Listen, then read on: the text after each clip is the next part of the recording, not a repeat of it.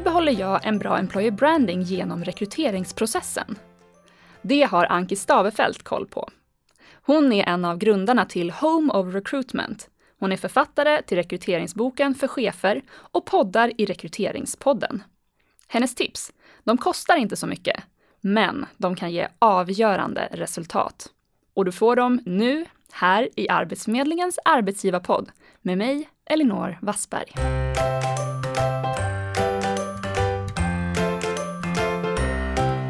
Varmt välkommen hit Anki! Tack så jättemycket! Så roligt att du är här idag och ska dela med dig av en del av din expertis. Ja. Ett av de ämnena som jag vet att ni hjälper arbetsgivare med, det är ju också att jobba med lite ja, men kandidatupplevelse Exakt. och hur man kan ja, jobba med sin urvalsprocess helt enkelt. Ja.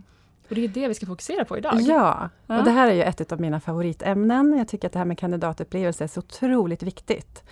Och många har ju börjat inse det också de senaste åren, men fortfarande så är det kanske lite bortglömt. För att ofta ligger fokus på arbetsgivarvarumärket. Och employer brand är ju någonting som många lägger enorma resurser på. Vilket såklart är jättebra och viktigt Mm. idag med kompetensbrist. Men employer brand handlar ju väldigt mycket om attraktion och att eh, se till att folk faktiskt söker sig till din verksamhet. Men då är frågan, vad händer när kandidaterna väl knackar på? När de bestämmer sig för att okej, men det här verkar spännande, nu söker jag. Och vad får man då för intryck av verksamheten? Och lirar det intrycket med det vi vill som arbetsgivare kommunicera eh, om vårt arbetsgivarvarumärke? Och du menar också att det här är väldigt avgörande Ja, ja, för att kandidater kanske väljer att ta jobbet eller inte. Exakt, och det finns ju undersökningar, eh, må- många undersökningar som visar hur viktigt det här är. En internationell undersökning till exempel visar att eh, 75 procent av kandidaterna eh, uppger sig faktiskt att, eh, eller uppger att de faktiskt kan tacka nej till eh, ett erbjudande om de tycker att nej men den här rekryteringsprocessen var så pass dålig, oprofessionell, utdragen i tid, vad det nu än kan vara. Så att jag väljer att jag går inte vidare. Jag tackar nej därför att det, det är intrycket man har fått och då tror man att det är så det är att jobba där också. Just det.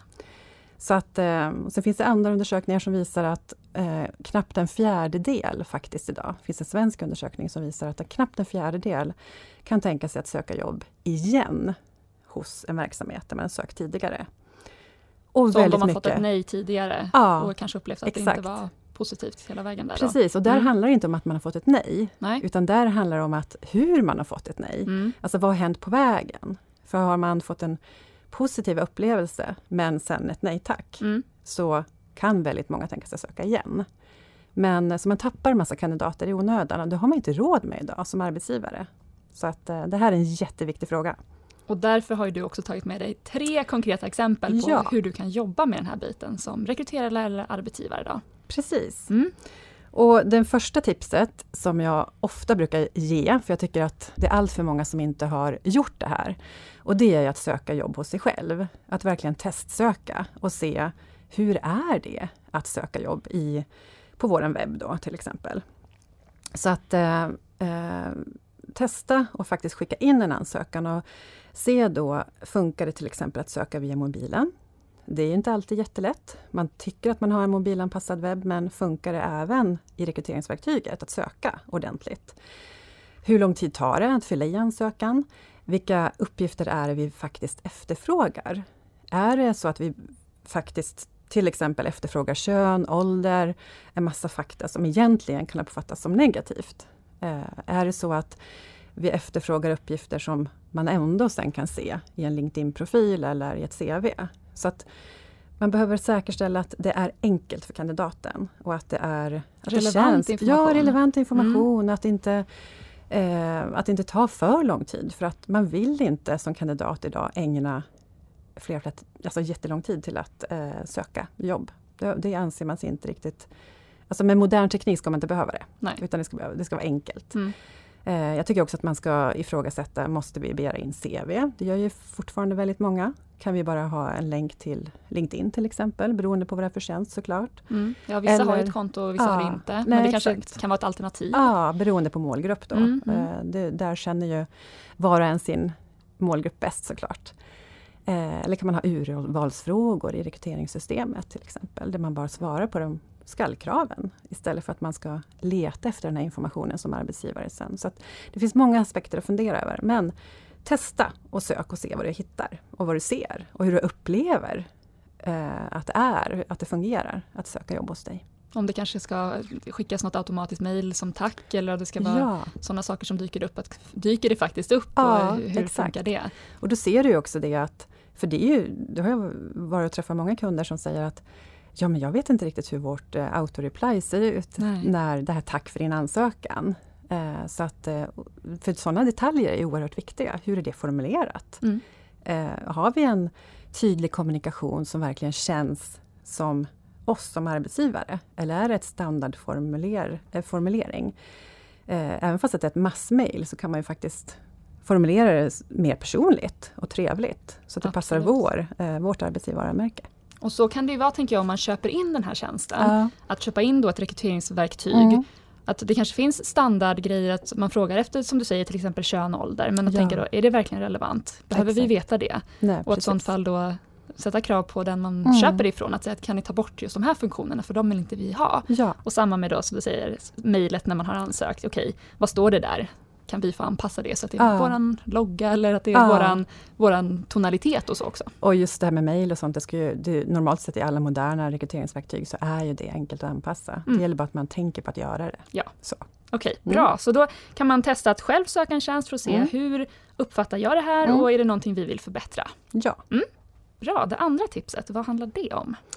Ja, eh, då tänker jag till exempel att man behöver fundera över hur kommunicerar vi, mm. eller ni, med era kandidater? Eh, är det lätt att komma i kontakt om man har frågor till exempel? Eh, har vi lagt ut hur man kommer i kontakt? Lägg inte ut ett telefonnummer om du aldrig kan svara. Då är det bättre att låta bli det. Mm. Sen eh, huvuddelen här tänker jag handlar väldigt mycket om hur kommunicerar vi normalt sett idag? Eh, jag menar jättemånga idag kommunicerar framförallt via Messenger via eh, jag menar, tittar du på yngre målgruppen så är det liksom Snapchat och de ringer ju inte varandra nu för tiden, utan det är, liksom, det är Snapchat, det är Viber, det är Messenger och så vidare. Så att eh, varför ska vi då vara eh, ganska traditionella när vi kommunicerar med våra kandidater? Varför inte införliva all den här nya tekniken och möjligheterna som finns? Där kan man ju tänka sig allt från att man har Messenger som en kommunikationsväg, att snabbt kunna svara på frågor, kanske under vissa tider. Eller att man har en eh, livechatt på Facebook eller någon annanstans. Mm. Eh, där man också kan svara, få frågor och liknande. Eh, och då får man också en bra kontakt med kandidaterna, om man lär känna dem, om man märker vilken typ av frågor har man, vilka funderingar har man? Och så kan man lära sig av det också, väldigt mycket. Det kan man kanske då underlätta sin rekryteringsprocess då, ja, att många frågar om exakt. det här. Ja.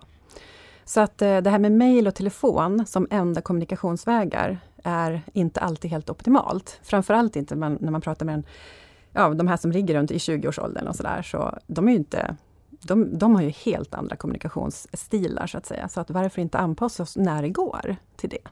Så Beroende att, på vilka, vilka, ja, vilken målgrupp man ja, har och så vidare. Så det. det är ett annat tips. Och också då väldigt viktigt att, som du säger, vara tillgänglig på de kanaler du väljer. Så är det ja. mejl då, se till att det finns någon som svarar där ja. aktivt. Så att, att inte, vi kollar en gång i veckan, den här mejlboxen. Precis, och att man också är tydlig med att sätta förväntan på rätt nivå. Mm. Så har man till exempel en mejladress, att man säger att vi svarar inom 24 timmar, eller vad det nu kan vara.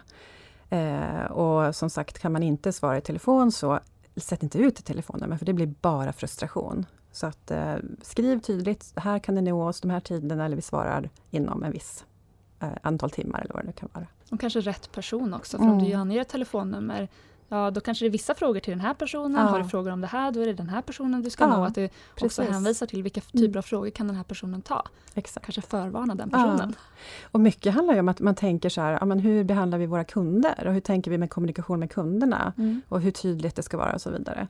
Och överföra de tankarna till kandidatkommunikation. Så det, det, är inte jättesvårt, utan mm. det är, det är sunt förnuft väldigt mycket. Men vi tänker tyvärr oftast väldigt traditionellt.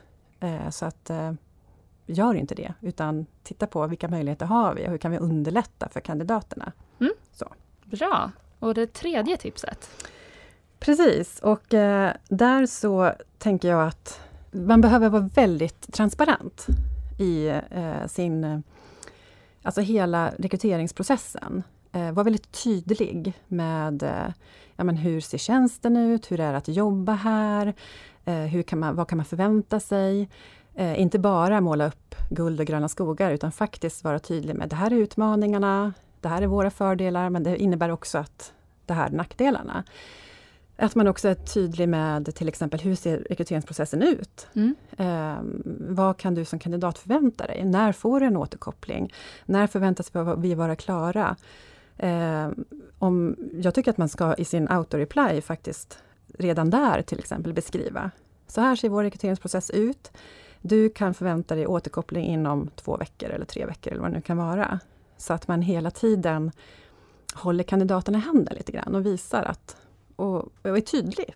Mm. Eh, därför att då blir det, eh, vad ska jag säga, det finns ingenting att dölja, det blir bra för båda parter. För att här är det ju två som väljer, det ska man ju aldrig glömma.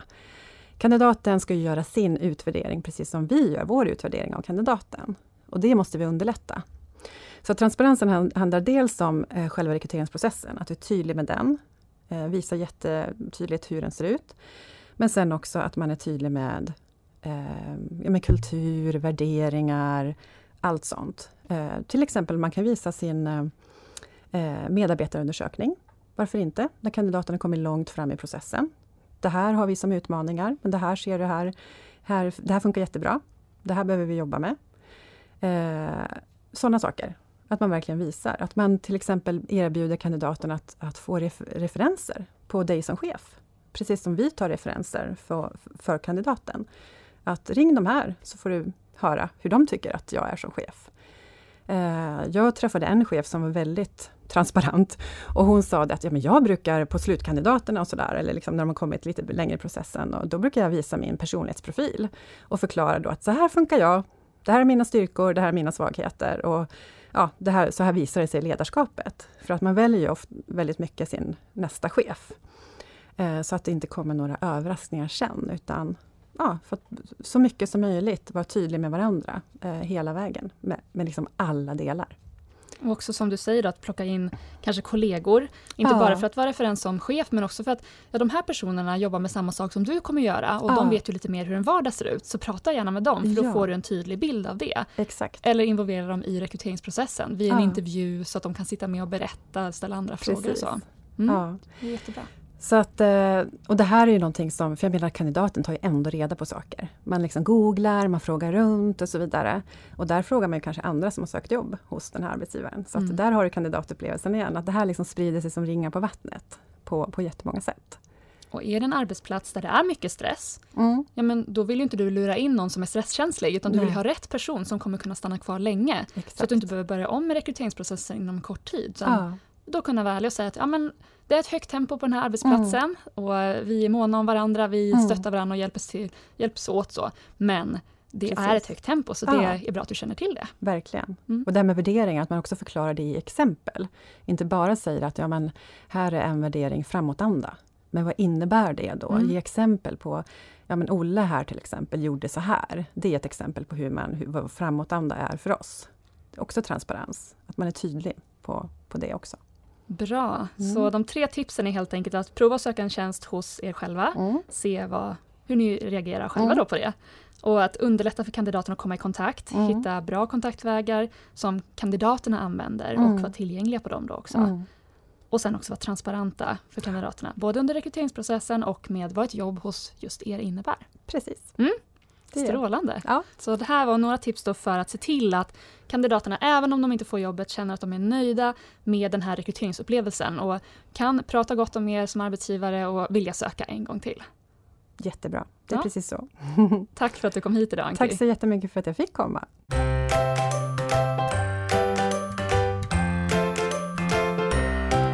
Du har lyssnat på Arbetsförmedlingens arbetsgivarpodd med Anki Stavefelt och mig, Elinor Wassberg. Tekniker var Andreas Damgård. Det här avsnittet producerades sommaren 2018.